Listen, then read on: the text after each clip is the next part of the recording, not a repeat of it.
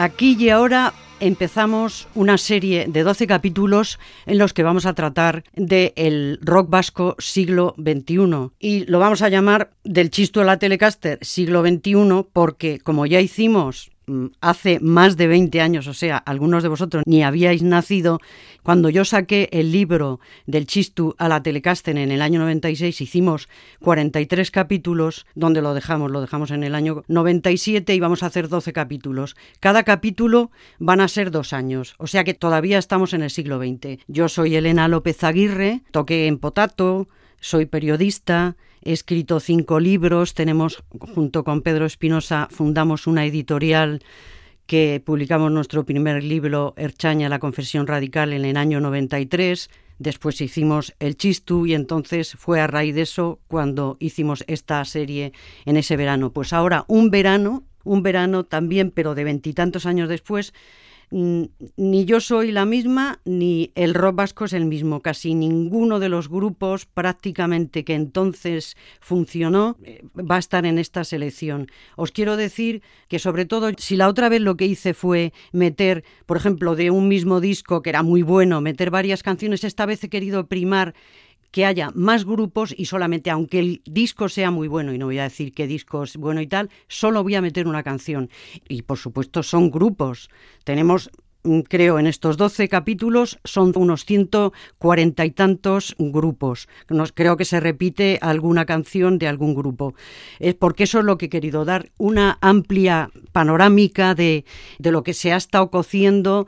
Y entonces lo, lo que os digo, todavía en este primer capítulo que vamos a empezar hoy, vamos a hacer 98-99 y mm, también os quiero decir que luego en el año 2011 saqué un voluminoso libro de Petete de 650 páginas sobre la historia del rock vasco. Bueno, recuerdo eh, en un blog que alguien se medio reía de mí diciendo, rock vasco, 650 páginas, qué horror, no sé qué, pero bueno, ¿dónde van estos? Es cierto que, que metí folk, metía, no sé, o sea, me remonté eh, al paleolítico y hice un poco de todo, ¿no? Y metí jazz, blues, metí folk.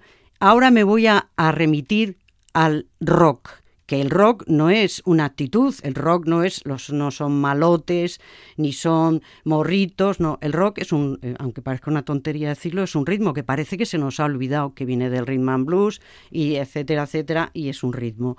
Y entonces lo que vamos a hacer es he hablado un poquito más ahora para la presentación, pero no quiero hablar mucho. Hay mucha información en, internet sobre todo. Yo he hecho una selección, de verdad que he estado en estos meses del profundo confinamiento he estado a tope escuchando muchas canciones y, sobre todo he querido de cada grupo coger, es mi opinión, ¿no? Mi criterio, la mejor canción. Y entonces yo creo que ahora ya nos vamos a dejar de hablar y vamos a ir ya con nuestra primera canción. Y como dijo Juan Carlos Parlange, el líder de los clavos y de los bonzos, menos etiquetas y más canciones. Así que vayamos con las rolas que dicen en México.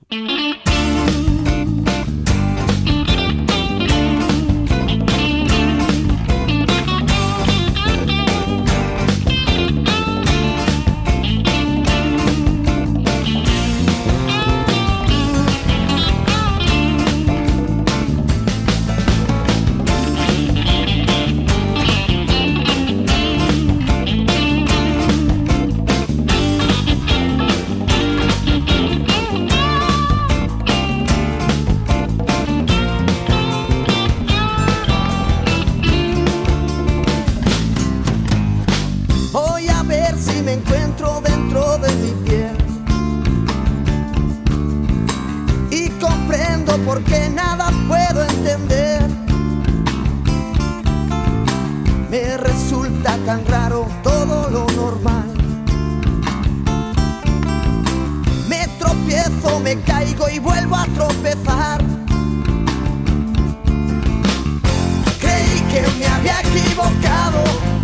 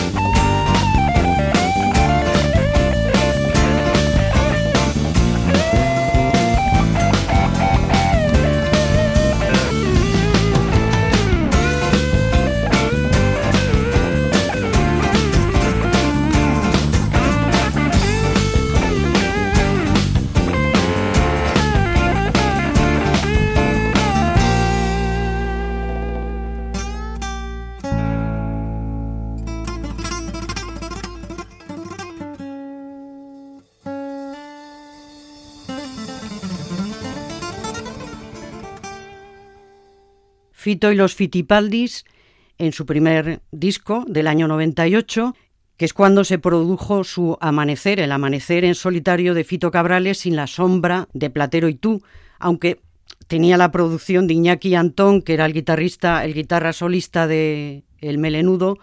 No, bueno, el melenudo no, porque el que tiene los pelos largos era el bajista, sino bueno, Iñaki, todo el mundo lo conoce, el huevo ¿no?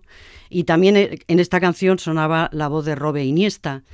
Lo que tuvo que oír, eh, lo que tuvo que oír Fito porque dejaba Platero y tú. Bueno, pues el caso es, bueno, el, las historias terminan, ¿no? Y entonces, eh, pues, pues lo tuvo que dejar, porque ya sabemos que, que los fans del rock y de to todo tipo de fans son muy peligrosos. Son como el cansino histórico de José Mota porque al fin y al cabo fan es una abreviatura de fanático, no lo olvidemos. ¿eh? Eh, y entonces Fito decía, cuando hicimos el segundo disco de Platero decían que el primero era mejor, cuando hicimos el tercero dijeron que el segundo era el mejor. Bueno, lo cierto es que el Fito, el Fito de, de, Platero no era el mismo que el Fito de los Fitipaldis. Eh, Bilbao había cambiado, eh, se había producido una reconversión industrial bestial y ahora estábamos, estábamos entrando ya en el siglo XXI él, además, no ocultaba eh, su adicción al speed. La politoxicomanía había sido, o sea, recurrente entre nosotros. De lo único que habíamos aprendido era un poco de, huir de la heroína, que remedio no, pero todo lo demás seguía así un poco. Bueno, en fin, eh, él se rodeó de sus eh, incondicionales, de sus amigos incondicionales, que casi todos eran de Flying Rebollos, que es un grupo de Portugalete, que es lo que vamos a escuchar ahora.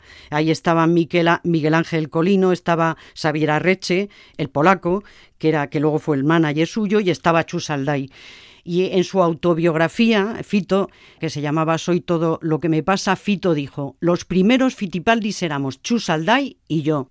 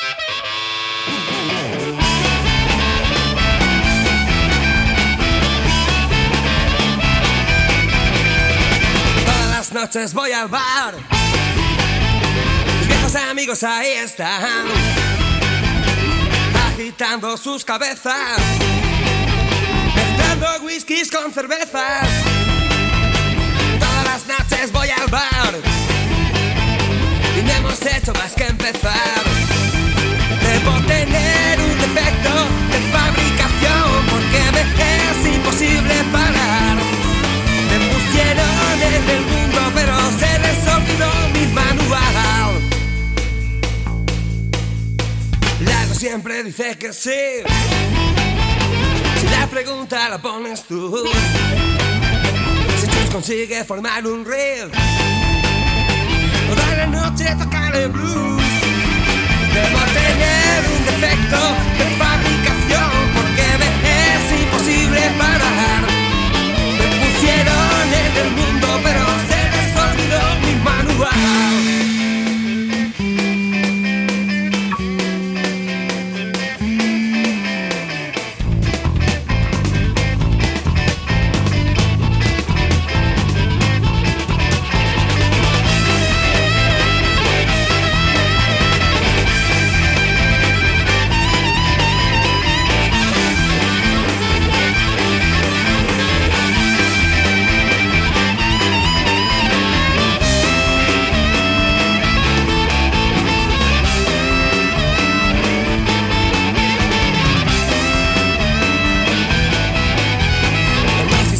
Escuchaba blues.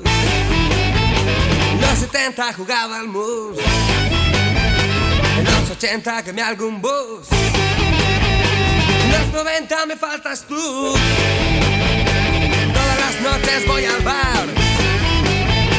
El espectáculo va a comenzar.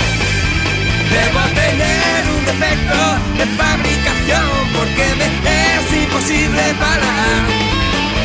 Pusieron en el mundo, pero se les olvidó mi manual.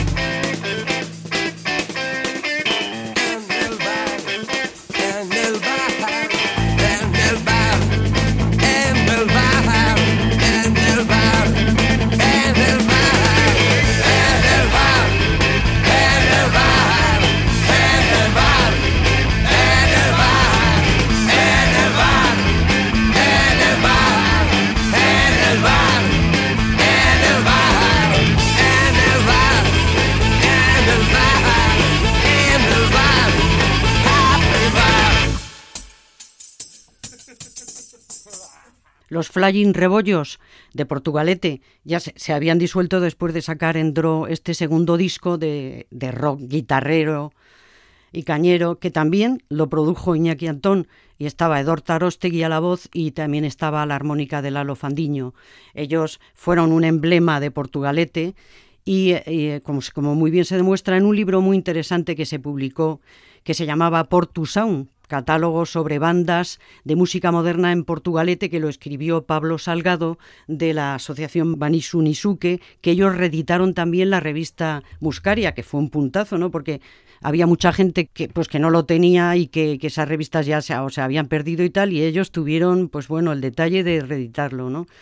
Decía Fito, dice, tengo la sensación ahora, decía, de que, de que nadie nos tomaba en serio, que ni a los platero, desde la prensa a los despachos, nos metían en el saco de los perroflautas y a nadie le importaba esa gente, nadie, nadie hizo caso, caso a bandas que arrastraban a mucha gente como reincidentes, extremoduros, eh, Sociedad Alcohólica, Sutagar, dice, no éramos molones, no teníamos imagen para salir en la portada de una revista, ni siquiera para hacer un videoclip. El único sentir que nos llegaba era el de la gente que nos venía a ver. Y ya veis luego, o sea, al final pasa que es el boca a boca y los grupos precisamente mm, así son los grupos que pensar en el, en el caso de Extremoduro, ¿no?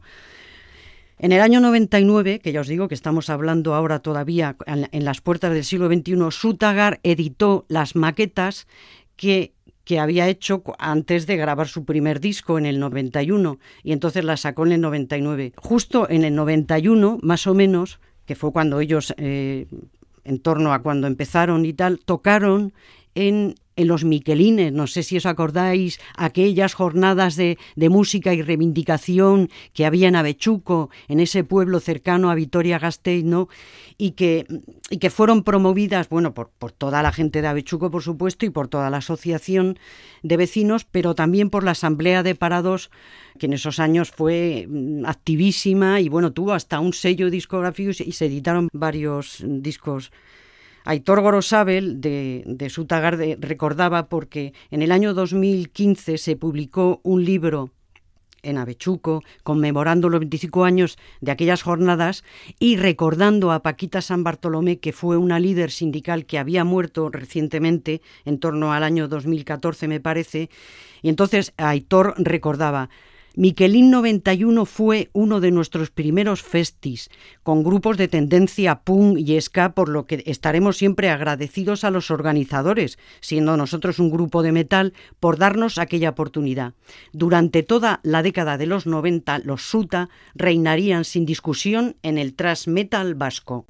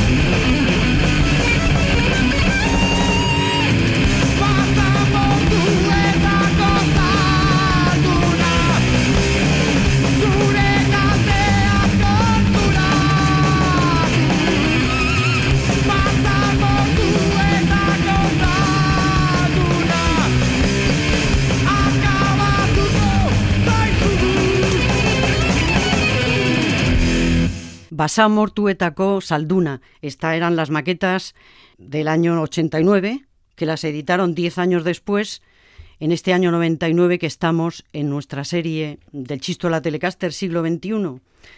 Era la voz rebelde, inconfundible de Aitor Gorosabel, su juego de guitarras con Xavi Bastida, que es una maravilla, ¿no? Como están los dos, además, como se han mantenido a lo largo de los años, pues la compenetración es total. Todavía estaba la batería colosal de, de Borsa, que aún indemne no había tenido todavía el desgraciado accidente que tuvo, y el bajo y, los, y las voces de Asier Osoro, que las voces, aunque parece que no, eh, son importantísimas. No, no es tan fácil hacerlas, muchos grupos prescinden de ellas, pero realmente son muy importantes.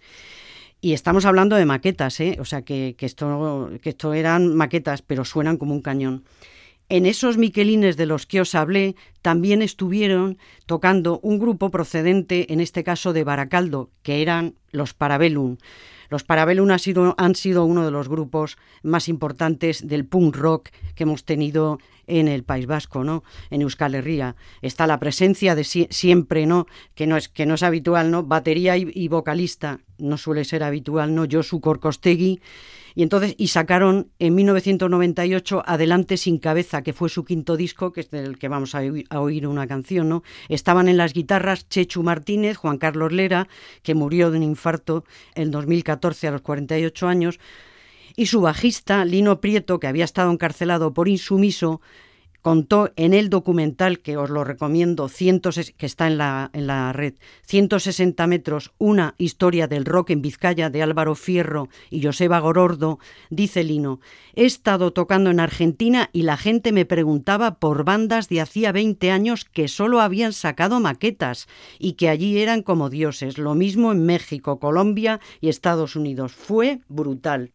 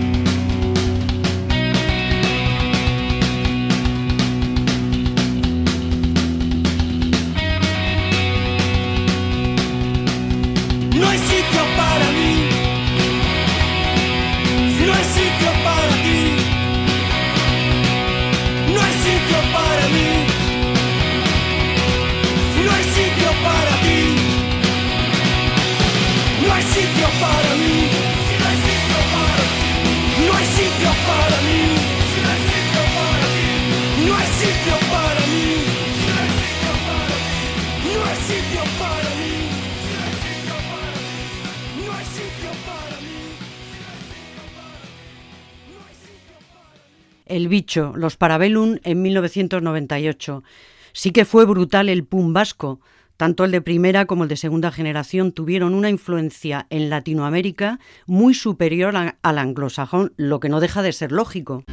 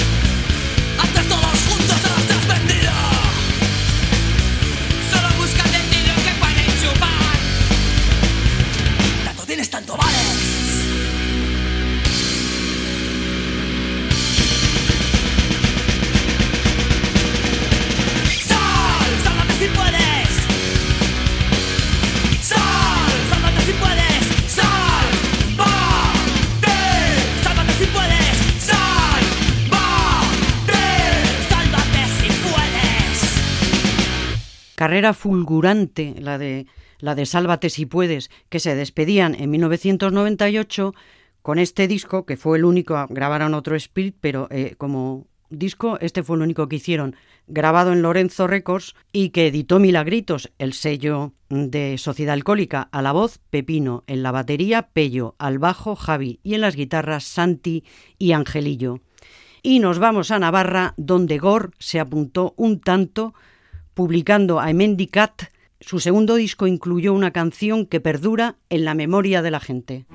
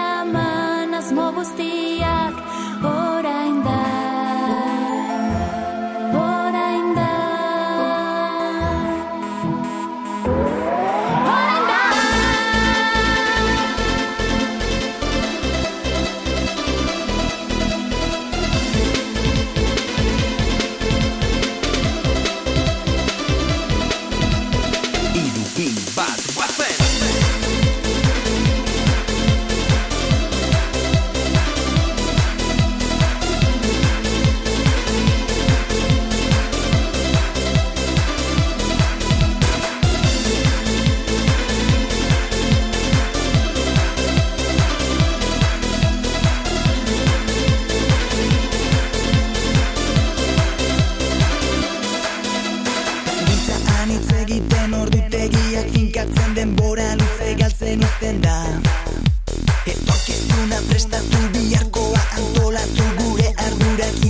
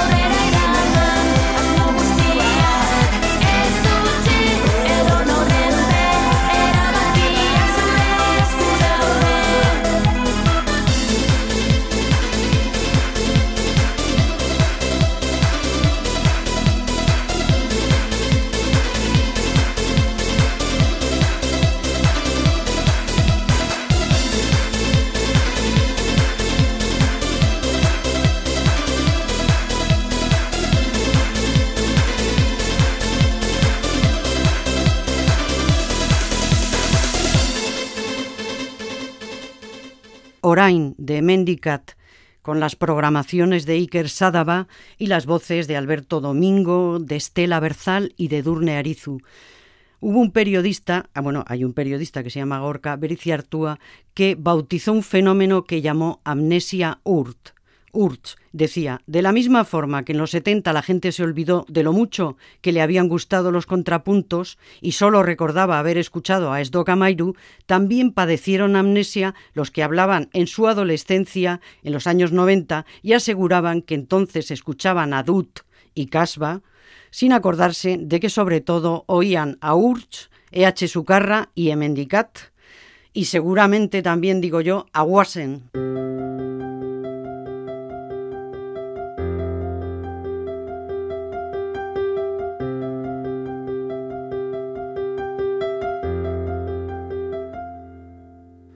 Zure animak ahotsaren bidez Sortu du ipuin bat Izan gabe idazle.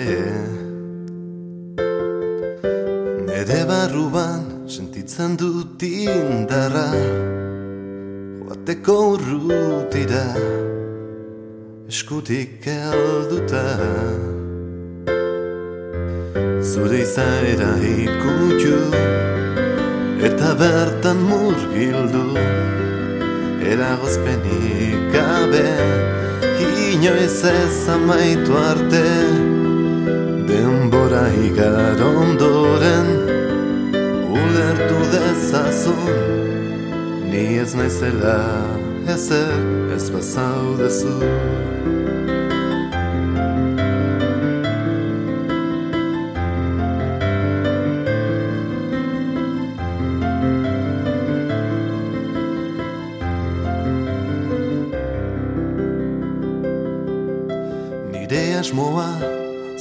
zurekin aldatzea Bizitzaren aroak sentitu zure alboan.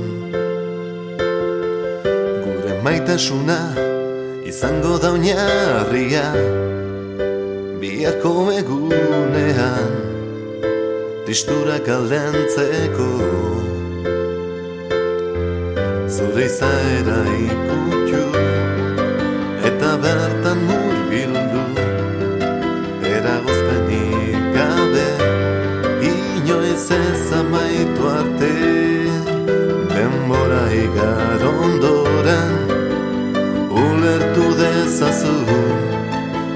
ez naizela ezer ez bazaudezu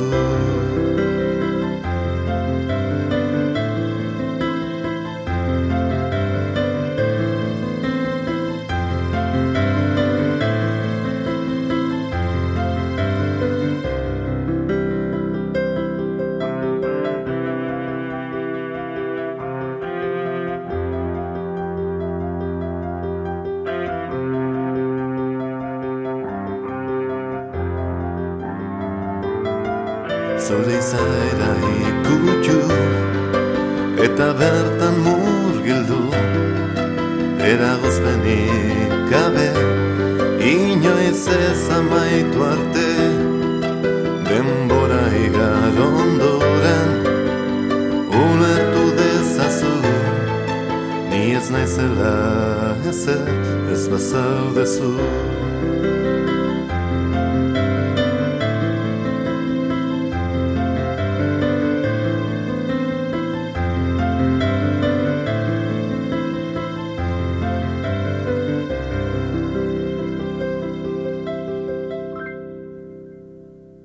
Wasen con W, dúo formado por Charlie Pedrazo y Osane Santas, editaron esta canción Suetani, a mí me parece preciosa también, en la Factoría Tolosarra de Rundown, música electrónica en euskera. Y no nos vamos de Navarra porque a principios del 98 se publicó el primer disco de los Half Foot Outside. En la formación original estaban Carlos Leoz, Edu Ugarte, Íñigo Garcés y Hans Kruger. El guitarrista Kruger montaría el estudio Montreal. Le sustituyó luego Brian Hunt, que produjo a las reinas del indie Annie Bisuit y Russian Red. El bajista Íñigo Garcés se convirtió en cabeza fuego y tuvo sucesivas reencarnaciones en Mermaid, Bisardunac o Aton Rumba. El batería Edu Ugarte, creador del sello Underhill Records, produjo el primer disco de los DeLorean. Israel Medina, nuevo bajista después de Cabeza Fuego, fundó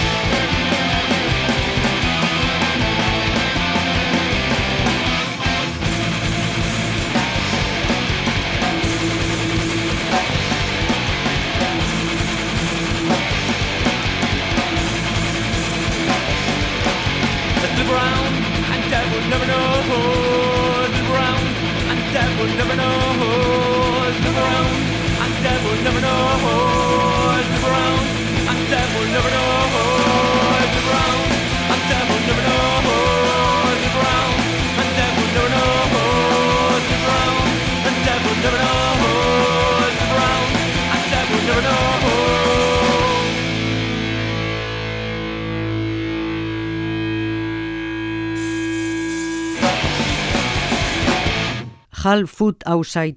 Realmente yo creo que este grupo navarro, como ya os he dicho antes, eh, no, no, fue importante solamente por lo que eh, fueron en sí, o sea, como grupo, sino por lo que cada uno de sus miembros ha hecho y luego a lo largo de los años, porque estamos hablando de que este disco es del año 98, pero es que ellos eso, desde sus estudios, pues como, como productores, eh, músicos como Íñigo Garcés, Cabeza Fuego, que es un hombre ubicuo, porque es un músico que lo encontramos en todas partes, ya los vamos a, a volver a, a ver a, a, lo largo de estos 12 capítulos, nos van a volver a salir todos ellos, porque quiero decir una cosa, eh, se ha hablado mucho, no sé, del sonido Buenavista, de, de Donosti, se ha hablado incluso del Donosti Sound, que ahora vamos a hablar un momento después. Se ha hablado del rock radical, se ha hablado del Gecho Sound, por supuesto, ¿no? Que no, todo eso ha existido, pero la verdad es que se ha hablado poco de todo el underground, vamos a llamarlo como, como queramos llamarlo, underground, alternativo, el indie navarro, que ha sido importantísimo, que ha, que ha tenido una creatividad mmm, fabulosa y que a lo largo de estos de estas horas que vamos a tener aquí mano a mano van a ir saliendo. Muy interesante. O sea realmente creo que ha sido como lo eso que se llaman los tapados no que han quedado un poco eh, de todas formas también os digo, aunque lo, lo, voy a decir en otro capítulo, se ha hecho un documental que se llama precisamente Sonido Pamplona, que lo ha hecho una periodista que creo que estoy hablando de memoria, que se llama Beatriz Echevarría, y que habla del indie navarro de Pamplona a partir de los años 90, etcétera, etcétera. Recordemos que los bichos, que también los vamos a escuchar por motivos aunque lo editaron en el 90, yo voy a retomar alguna serie de grupos por otras cuestiones de las que ya hablaremos. Y una de ellas, sobre todo, es en el caso de que, desgraciadamente, los músicos han ido muriendo a lo largo de estos 20 últimos años, pues hablamos de ellos cuando llega el momento de referirnos a su muerte. Escuchábamos a los Half Food Outside y lo que os digo, el grupo realmente no es que no fuera importante o dejara de serlo, ¿no? que sí que lo fue dentro de ese indie eh, en inglés que para mucha gente era lo que fuera, ¿no? pero que decían que bueno, que cómo, que por qué no en euskera, por qué no en español, bueno, ellos lo hicieron así y eso es lo que hubo. Cambiamos totalmente de tema y nos vamos a otro grupo. El adjetivo exquisito le cuadraba perfectamente a Alemans la traducción vasca de esos grupos livianos británicos de los años 80 entre el pop y la evanescencia como Everything But the Girl, que no pegaban ni con el techno, bueno, claro, por supuesto, ni con el rock radical, ni con el punk, ni con el afterpunk, y muy alejados también de la épica de los nuevos románticos o de lo que sea, ¿no? A quien Le Mans le debía mucho era Vainica Doble, que no es este el sitio donde ponerlo, ¿no? Pero que es un grupo que son las abuelas del indie español y y que ahí están, desgraciadamente las dos ya murieron, pero su legado se mantiene. Había dos grupos en Donosti, Le Mans y La Buena Vida, que tuvieron vidas paralelas en su Donosti natal y las comparaciones entre ellos pues eran inevitables, ¿no? Y nos hicieron esperar. Algunos prefieren Alemans con la vocalista Jone Gavarain y el dúo compositor del guitarra Ivonne Erraskin y la bajista Teresa Iturrioz, con una mayor inclinación al jazz, a la bossa nova y al minimalismo. Los vamos a escuchar ahora, pero yo creo que yo ya me voy a despedir. Seguiremos escuchando más canciones, ya os digo, no quiero hablar mucho, pero lo que quiero sobre todo es que suenen todas las canciones enteras, que que haya una representación, que tengáis un buen panorama de lo que han sido estos últimos veintitantos años. Esta canción de Le Mans se llama Mi novela autobiográfica. Realmente son unos grupos eh, que, que, parecen como que con una forma como muy suave, pero con una, una especie de tormenta emocional por debajo, ¿no? Estuvo Irene Martínez en el control, pero tampoco se me, no me quiero olvidar de que me ha ayudado muchísimo Merche Uría de la Fonoteca de Radio Vitoria a localizar todas las canciones, porque claro, una cosa es decir voy a poner esta, esta, esta, pero luego que estén o no estén. Y entonces quería dar las gracias a Merche y yo ya me voy a despedir hasta el próximo capítulo, ¿de acuerdo? Este ha sido el primero, hemos hecho el año 98-99 y hasta la próxima.